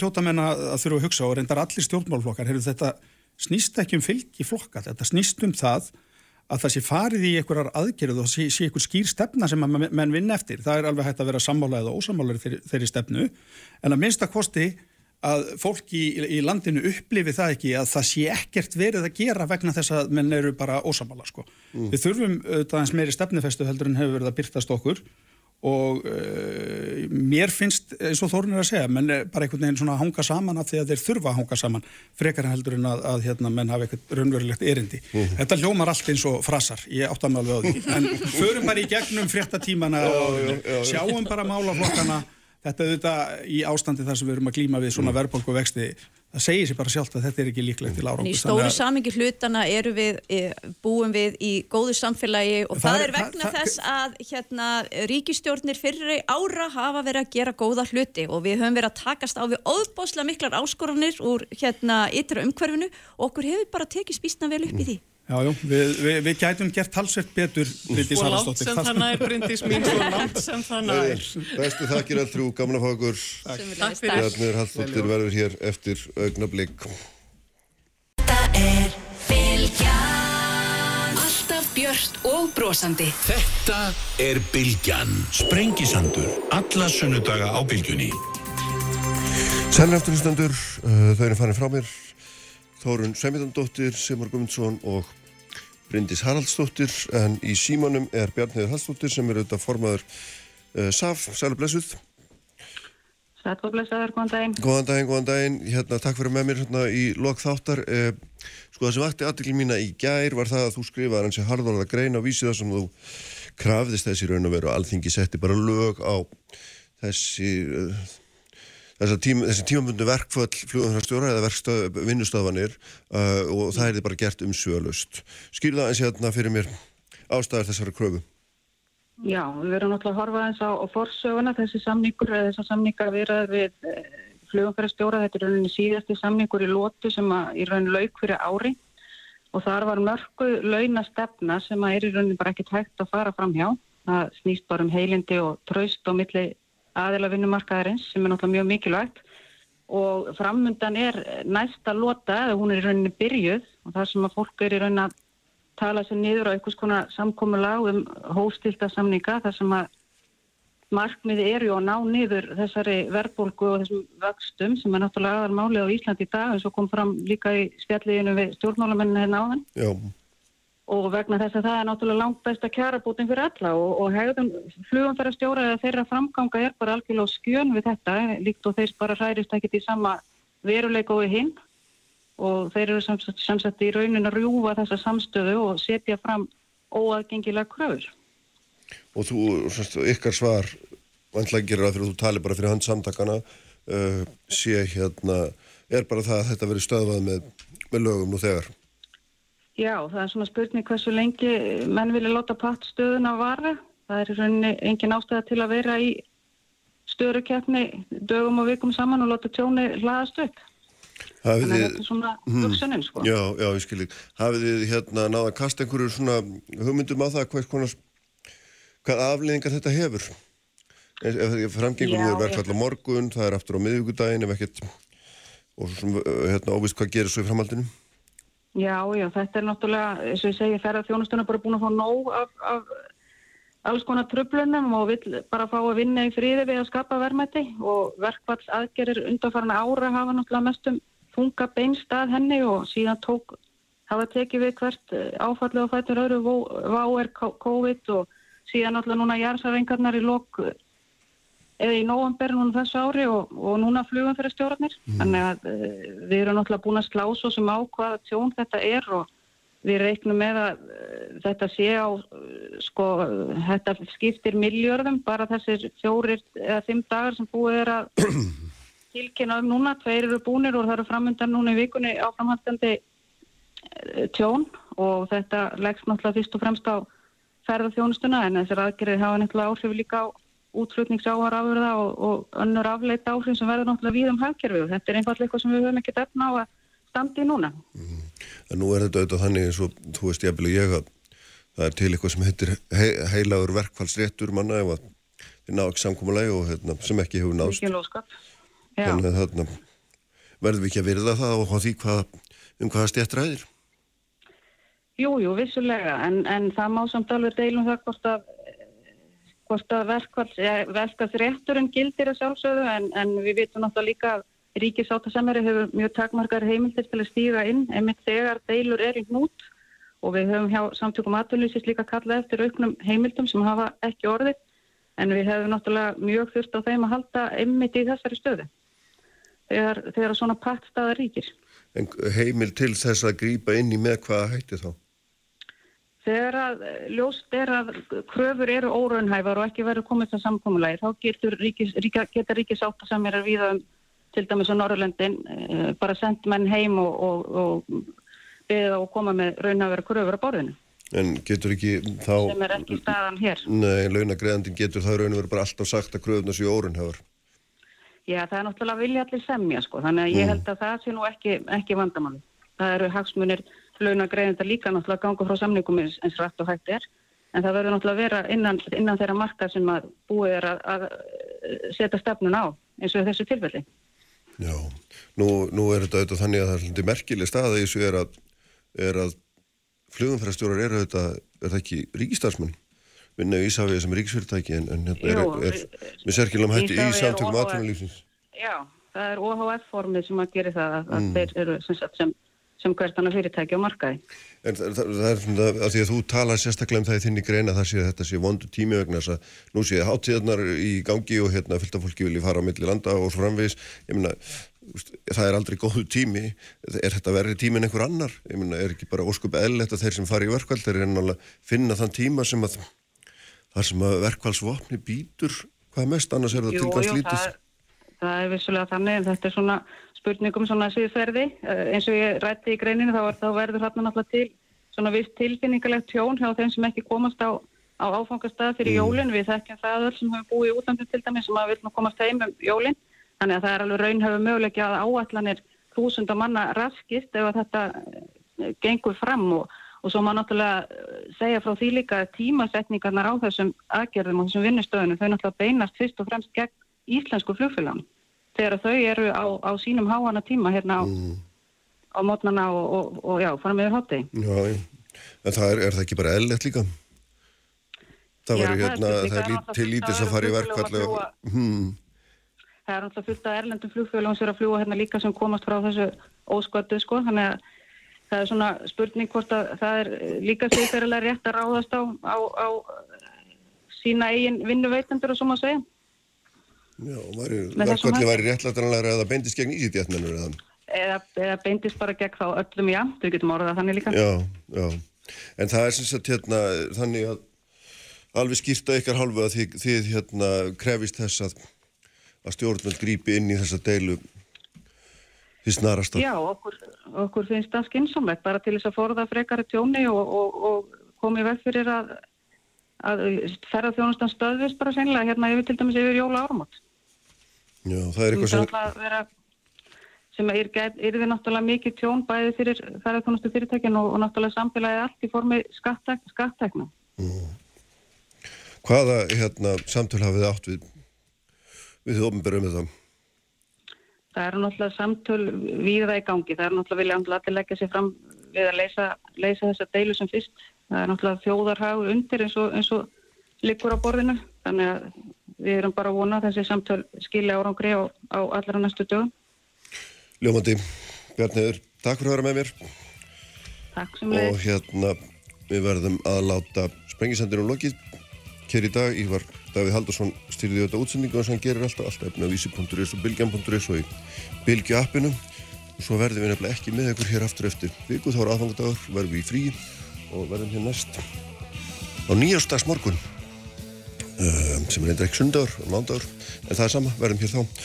Og þessum ósku við ykkur auðvitað bara gleðlara jóla og gleðlega snýs ás verðið sæl